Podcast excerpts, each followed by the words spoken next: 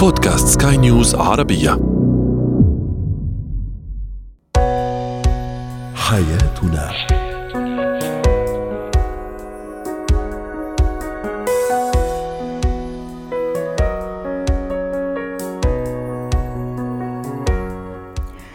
معكم آسيا البشارة أحييكم وأرحب بكم في حياتنا فضاؤكم اليومي الذي يعنى بمختلف مجالات حياتكم. الزواج بعد الأربعين كيف نجعله تجربة ناجحة؟ الزواج الثاني للأب أو الأم أو للأب أو الأم كيف يؤثر على نفسية الطفل؟ ومهارات التعامل مع ناكر المعروف. هذه مواضيعنا اليوم في حياتنا. يمكنكم الاستماع إلينا في أي وقت ومن أي مكان عبر بودكاست سكاي نيوز عربية. هو وهي. قد يكون من الخطأ أن نربط الزواج بمرحلة عمرية محددة ليصبح من تجاوز أو من تجاوزت الأربعين دون زواج حالة استثنائية وأحيانا حالة منبوذة. كثير من الأسباب تجعل هذا الاعتقاد متداول. قد يكون الأقرب ربما إلى المنطق من الأسباب. موضوع الإنجاب وإن كان التطور العلمي جعل من هذا الأمر ميسر. الزواج بعد سن الأربعين له أيضا مزايا. هذه التجربة الحياتية التي هي جزء من تجارب حياتية مختلفة يمكن للشخص أن يعيشها قد لا يكون متاخرا فيها طالما توافرت به العديد من عوامل النجاح. ولذلك نسأل اليوم كيف نجعل هذا الزواج ناجحا؟ هذا السؤال أحمله إلى الدكتورة كارين إيليا المستشارة النفسية والأسرية. أهلا بك دكتورة كارين. شكرا. لنحسم بداية الموضوع إمكانية هذا الزواج وإمكانية حدوثه. البعض يستغرب منه لأنهم يقولوا أنه الرجل أو العزوبية واستمرارها لسنوات طويلة قد تكون رهاب للالتزام سواء لدى الرجل والمرأة. يقال أن الرجل غالبا أنه يصعب أن يختار بعد الأربعين وإن كانت وإن اختار فعليا فالبعض يعتبر أنه اختياراته لن تكون صائبة. أما طبعا بالنسبة للمرأة فيمكن الضغط يكون عليها في هذه الفترة من جميع الجوانب أليس كذلك؟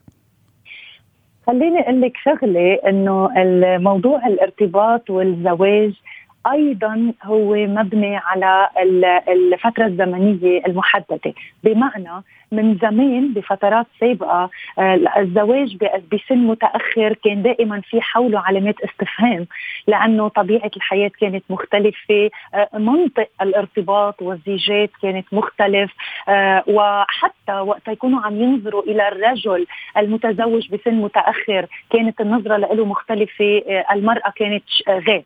حاليا اليوم آه، كل هذه المعايير تغيرت ارتباطا بكل التطورات المجتمعية البيئية الحاجات الرغبات الاختبارات السابقة واليوم طبيعة الحياة وسرعتها على الأرض. لهالسبب من زمان كنا كثير نحكي بالارتباط بعد الأربعين آه، إن كان للرجل أو للامرأة. للامرأة كانت شغلة آه، أكثر تابو يعني يطلعوا بشكل إنه إنه عيب. وين المشكلة؟ وين المشكلة؟ نعم. صحيح وين المشكلة؟ في مشكلة معينة.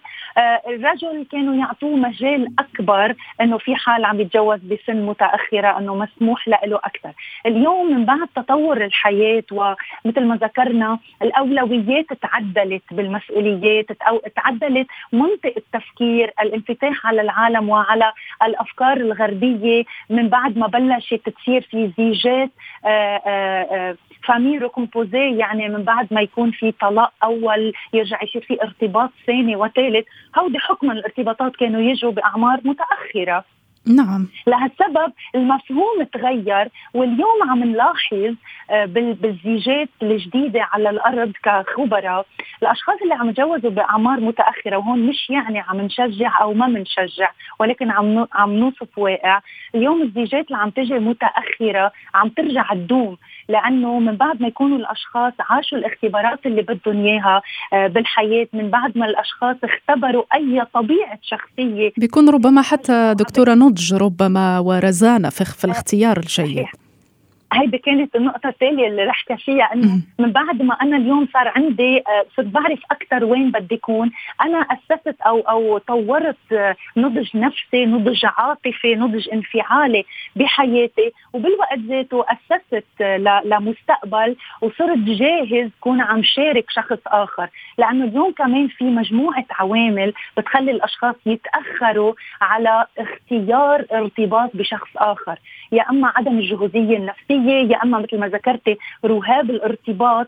ممكن يكون عندنا رهاب الارتباط لفترة زمنية معينة ولكن من بعد ما نحقق نضج نفسي آه معين فينا نتخلى عن هذا الرهاب ونرجع نوصل لمطرح إنه صرت جاهز. في هذه النقطة دكتورة دكتورة كريم أسفة على المقاطعة هل من ناحية نفسية الشخص الذي اعتاد على العزوبية هل قد يجد صعوبة في تغيير نمط حياته؟ خاصة هو يريد الزواج لكنه ربما ناجح في عمله لديه استقلال مادي وممكن حتى اكتفاء عاطفي نوعا ما. بتعرفي شغلة هيدا السؤال كثير الإجابة العامة صعبة عليه لأنه عندنا الاختبارات من كل الأشكال. بمعنى الأشخاص في أشخاص بس يعيشوا لفترة زمنية طويلة العزوب العزوبيه بيصير صعب عليهم التأقلم على وجود شخص آخر بحياتهم بحيث المشاركة بحيث المشاركة بكل شيء الأفكار الأسئلة المشاركة المادية مشاركة سقف الواحد. ولكن في أشخاص ثانيين آه كثرة الحياة ال ال الفردية بتوصلهم لمطرح بصير عندهم هالحاجة الملحة أو هالرغبة بالارتباط بآخر لأنه في كثير ناس وبتسمعيها حولك وهيدا من دون ما نكون عم نقولها بلغة علمية بتسمعيها ما بدي كفي أخرتي لوحدي. صحيح. شو معناتها؟ أنا أنا عشت مرحلة معينة من حياتي كنت فيها عم عيش الاستقلالية وكنت عم برتاح أو بستلذ بالعزوبية حاليا أنا بحاجة لوجود آخر للتواصل للمشاركة أو لحتى ما أكون عم أعيش فراغ بالمرحلة يلي بتبلش أطلع فيها آه، شوي على التقاعد أو بده يبلش يخف آه، مجتمعي حولي. لكن من جانب آخر ربما دكتورة يعني حتى لا يجب أن نختار فقط لنزيل هذا الفراغ. يعني إذا لم يكن الاختيار الصح أو على الأقل نقتنع في البداية أنه صحيح لا يمكن أن نقدم على هذه الخطوة. يعني أن تكون وحيد وسعيد أحسن من أنك تكون مع شخص وممكن حزينة وتعيش مأساة. وطبعا هنا كما قلتي نحن لا نشجع لا على يعني يعني الزواج المتأخر أو أي شيء من هذا القبيل. حكما يلي عم بتقوليه كثير صحيح ولكن كمان هون بترجع للاختبارات الفردية لأنه بكثير أشخاص وقت نحكي عن النضج يلي حققناه بحياتنا نحن وقت نقول آه، أنا ما عبالي بقى كفي حياتي لوحدي معناتها أنا مرحلة النضج يلي وصلت لها خلتني اتأكد أنا شو بدي بالمرحلة اللي جاية وعلى أساسها خياراتي الواعية وغير الواعية هي بتخدني باتجاه الشخص يلي أنا برجع برتبط فيه.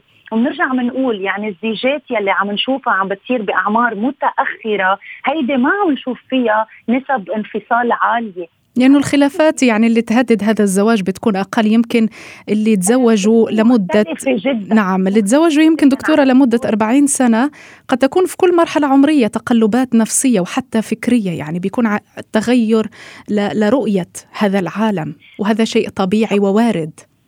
حكما وهيدي اللي بتصير وقت اللي تصير زيجات بأعمار كثير مبكرة. هون الأشخاص ما بيكونوا بعد لا حققوا اختبارات الحياة ولا حققوا النضج النفسي والعاطفي. وبالإضافة لهيدا كله بعد ما شافوا هن شو بعبالهم يكون عندهم خيارات. يعني بيكونوا عنده خيار الأول هو ارتبطوا فيه وتزوجوه بس يبلشوا بالحياة يختبروا الحياة وتفاصيلها. ببلشوا يلاحظوا إنه الخيار يلي عملناه ما كان الخيار الصحيح؟ من هون على المدى الطويل في ثنائيات كثير ما بكفوا مشوارهم سوا. وفي ثنائيات بلا بيقدروا من خلال النضج يلي عم بيحققوه بمراحل الحياة إنهم يطوروا أولوياتهم وحاجاتهم على أولويات وحاجات الشريك يلي هن اختاروا نعم. معه وبيكملوا حياتهم، هيدي المرحلة ما بنشوفها عند الزيجات اللي بتبلش مأخره، لأنه بيكونوا قطعوا كثير من مراحل التساؤل بالحياة شو بدي شو بحب شو ما بحب. وحتى يمكن دكتورة كارين بتكون عندهم مساحة خاصة بيكون عندهم اهتمامات وهي المساحة يعني آه، ضرورية لأن تكون موجودة في استمرار أي زواج وفي أنه يدوم. حكما ولكن كمان في شغلة ما بدنا ننكرها أو ننسى وجودها نعم. هي إنه في كثير أشخاص بس يتأخروا كثير ليرتبطوا هن أشخاص أساسا عندهم مشاكل آه مشاكل بالكوميتمنت بال بال بالالتزام بالالتزام عندهم مشاكل بالتواصل عندهم فوبيا من وجود آخر بحياتهم عندهم فوبيا إنهم يخضعوا لآخر يعني أو عندهم حالات نفسية مرضية بتمنعهم منها الوسواس من منها الشكوك نعم. والمرضية نعم. هؤلاء الأشخاص ممكن نشوفهم بيتأخروا كثير ليرتبطوا أو حتى ما بيقعدوا يرتبطوا بالمرة. وطبعا دكتورة كريم نحن اليوم تكلمنا على هذا الموضوع لأنه الزواج في سن صغير هذا يمكن هو العادي والمتداول لكن ربما الناس تنظر إلى الزواج في هذا السن بعد الأربعين بأنه شيء عيب وهو ليس عيبا ابدا لكن أبداً. هو اختيار ويجب احترام هذا الاختيار وال... والعمل على إنجاح هذه التشر... التجربة. شكرا جزيلا لك. معايير الارتباط كلها اختلفت. كلها اختلفت تماما. وتختلف من تجربة لأخرى. شكرا جزيلا لك المستشارة النفسية والأسرية الدكتورة كارين ايليا زينة الحياة. تنضم إلينا الآن الخبيرة النفسية والتربوية الدكتورة همسة يونس. أهلا بك دكتورة آه، همسة. نتحدث اليوم عن الزواج الثاني للأب أو الأم وتأثيره على نفسية الطفل سواء العائلة أو المطلقين والمطلقات الأرامل أو أبناء هؤلاء. يكون لديهم ربما خوف من دخول الأب أو الأم. في علاقة جديدة مع شريك ليس والدهم أو والدتهم ويخشون ربما من صورة زوجة الأم أو زوجة زوج الأم أو زوجة الأب التي لم تقترن بتجارب ربما جيدة وهكذا تصور في بعض المجتمعات على مر الأجيال. سؤال مباشر كيف يؤثر سواء زواج الزواج الثاني للأب المطلق أو الأرمل أو الأم على نفسية الطفل؟ يعتمد ذلك على مدى تمهيد آه، التمهيد الذي يقدمه آه، الأب أو الأم للطفل آه، بخصوص هذا الزواج. ويعتمد أيضا على مدى قوة العلاقة مع الطفل ومدى إشباعنا لحاجاته النفسية لأنه عدم إشباع الحاجات النفسية للطفل آه، تجعله آه، يستقبل هذا الخبر بحالة من الكراهية أو الحقد أو الرفض وقد ينعكس ذلك عليه فتظهر آه، لديه أمراض نفس جسمية كنوع من أنواع الرفض والتأثر بهذا القرار. آه، لماذا؟ إما بسبب نقص إشباع حاجات النفسية أو بسبب وجود تعلق غير آمن آه، آه، فرضته حالة وجوده بين طرفين بين أم وأب وبالتالي أصبح متعلقا بطرف من من هذين الطرفين بشكل مرضي ودخول شخصية جديدة على آه، هذا الطرف الذي تعلق فيه آه، يشعره بأنه مهدد بالخطر وأنه مكانته مهددة آه، بعدم الاستقرار أو أن شخص آخر سيسلب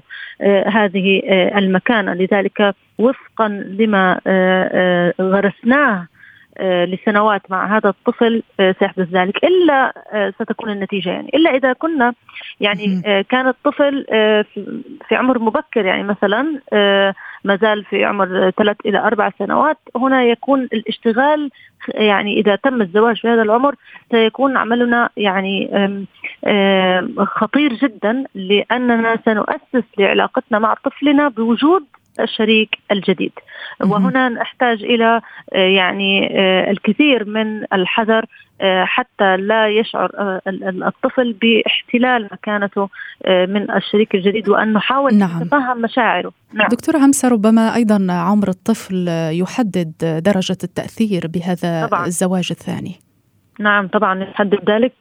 ومثل ما قلت لك إذا كان في وقت مبكر فسنحتاج أن نعمل بجهد مضاعف لأننا ما زلنا نغرس لدى الطفل طبيعة علاقتنا به، لكن إذا حدث في مراحل متقدمة بعد البلوغ هنا نحتاج أيضا إلى الانتباه لأن المراهق قد ينطوي على نفسه قد يشعر بالعزلة وذلك تعبيرا عن حالته النفسية. الطفل أو أو المراهق أيضا قد يتعرض لبعض المشكلات النفسية والسلوكية قد يتعرض إلى حاله يعني النقوص إلى مرحلة عمرية أصغر إذا كان مراهق فيتعرض إلى التبول الليلي بسبب آه، مشاعر الرفض أو الخوف أو ممكن تكون اضطرابات في النوم كذلك. آه، قد يتعرض لاضطرابات بالنوم أيضا قد اضطرابات الأكل. آه، أيضا بالنسبة للأطفال الصغار قد ينعكس ذلك إلى تعلق مرضي. إذا أصلا هو مش متعلق بشكل كبير بالام أو الأب اللي بيعيش معه قد ينعكس ذلك عليه بأنه يتعلق تعلق سلبي بالأم أو الأب اللي هو عايش معهم. آه لماذا؟ محاولة للابتعاد عن الشريك الجديد. آه ومهم هنا أن آه نراعي مشاعر الطفل أن لا نفرض عليه الشريك الجديد أو طريقة تعامل معينة مع الطريق مع الشريك الجديد بل يعني يكون هناك اتفاق واضح على منهجية واضحة للتعامل مع الطفل. يكون هذا الاتفاق مع الشريك. لاحتواء الطفل أو احتواء المراهق مش العكس. يعني أنا أنا إذا أردت أن أدخل شريك في حياتي فيجب أن يكون هذا الشريك على مقدار من النضج والوعي الذي يساعدني في احتواء طفلي أو ابني المراهق ويعني أن تمر المرحلة الأولى من تقبل هذه العلاقة الجديدة بسلام دون آثار نفسية سلبية على الطفل أو المرأة. طيب دكتوره همسة من يلجأ لك لطلب الاستشارة بخوض هذه. التجربة الزواج الثاني هل تنصحين بالانتظار مدة زمنية معينة للإقبال على هذه إيه. يتحكم ذلك آه، حسب الحالة. نقول حسب الحالة آه، حسب الظروف الاجتماعية والمادية آه، مثلا نقول للسيدة التي مقبلة على زواج لأنه لا, لا نستطيع أن نمنعها من ذلك لكن نستطيع أن نقدم لها أكثر عدد من النصائح التي تستطيع بها أن تقبل على هذه الخطوة بأقل الخسائر. النفسيه لدى آه، طفلها أو ابنها آه، المراهق لذلك يجب أن تدرس الأمور بكافة النواحي وغالبا الحقيقة يعني اللي تشيروني في هذه النقطة آه، غالبا بيتراجعوا يعني لأنه لماذا؟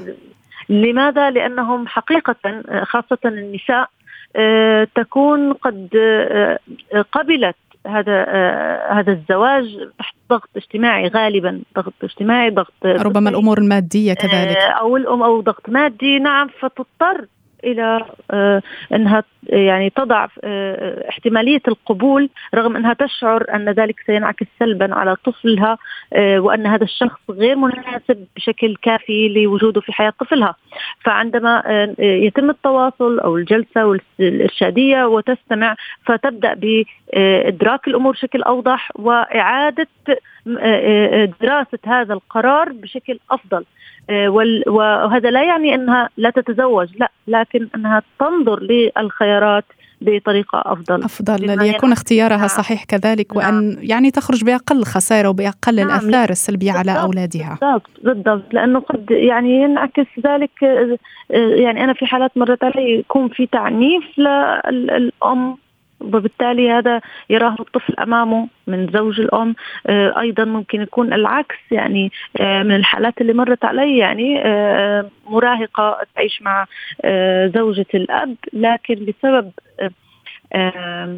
غيرتها من زوجة الأب تخيلي لأكثر من آه، خمس سنوات الأب متزوج هي لم تتكلم مع زوجته مطلقا مع أنها تعيش معها في, في نفس البيت, البيت.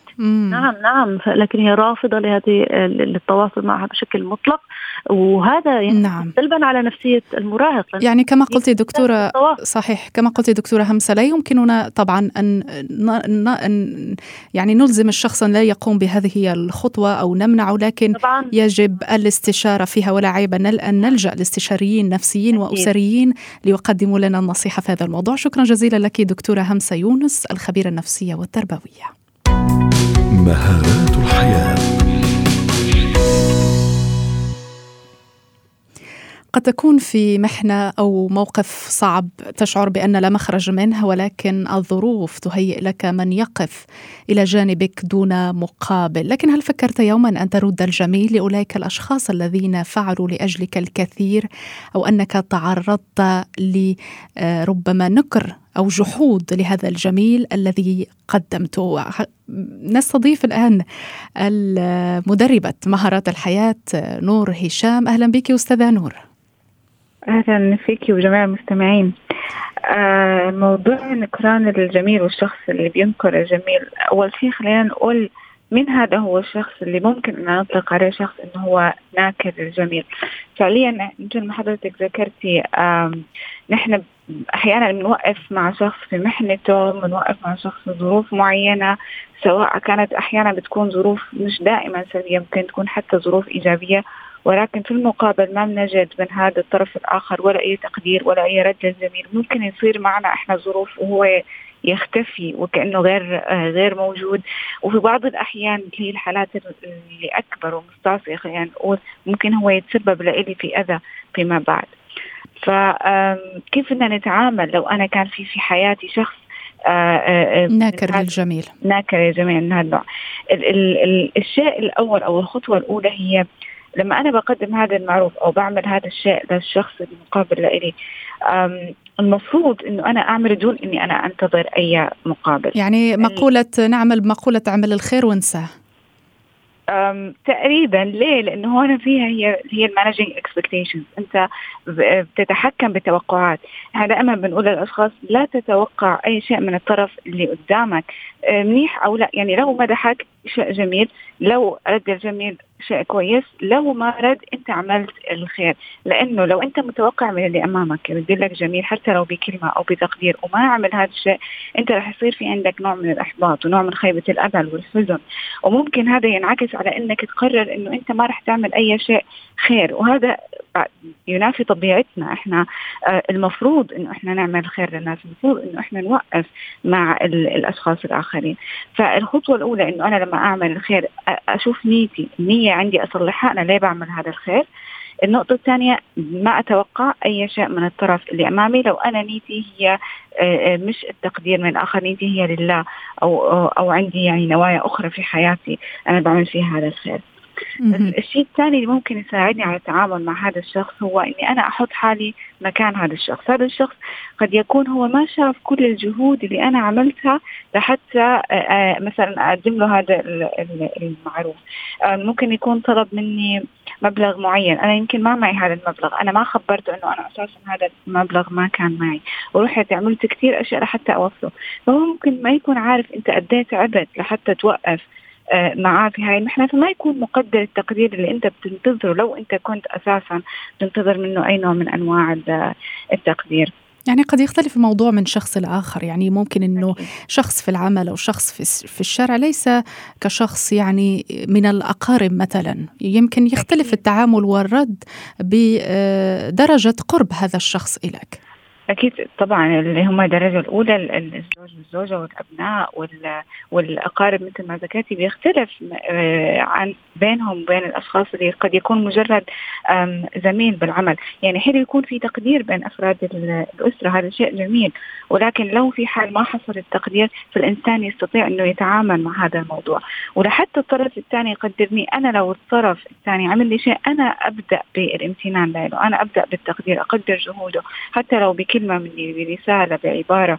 أم أم يكون أنا قد أكون أنا اللي أبدأ في آه، في في هذا التقدير. أحيانا التواصل مهم. لو أنا شخص بهمني إنه آه، شخص أنا عزيز علي وبهمني وفي رصيد بيني وبينه أنا حابب إنه يكون تقدير منه أتواصل معه أقول له إنه أنا وقفت معك مثلا بهذا الموقف أنا عملت هيك هيك هيك فكنت حابب إنه يكون من طرفك نوع من التقدير وأنا مقدر إنه أنت تكون الظرف اللي أنت فيه. آه كنت كثير منشغل فيه لحتى هو نساك إنه أو خلاك ما ما تنظر إنك أنت ترد لي جميل أو تقدرني. لكن هنا أستاذة قد يرد الشخص الذي يعرف بنكران الجميل قد يرد لا تربحني جميلك يعني من طلب منك أصلا إنك تقوم بهذا الشيء من أجلي؟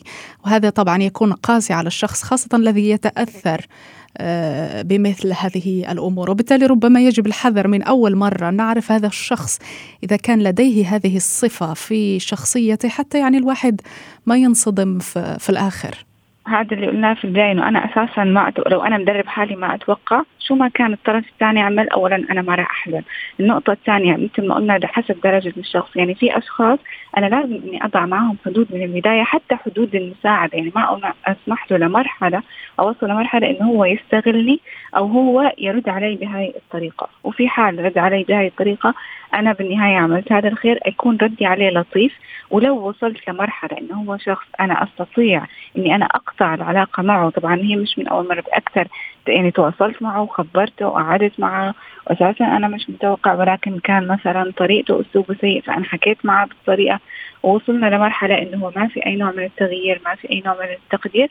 وكنت مضطرة إني أنا اقطع هاي العلاقة فأنا بالنهاية رح اقطعها لأنه نعم. آه، أكيد هذا ما حيكون من الدرجة الأولى مثل ما حكينا بيختلف حسب الشخص. جميل. شكرا شكرا جزيلا لك مدربة مهارات الحياة الأستاذة نور هشام.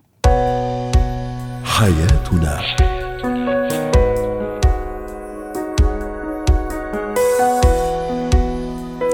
ختام حياتنا. إلى اللقاء.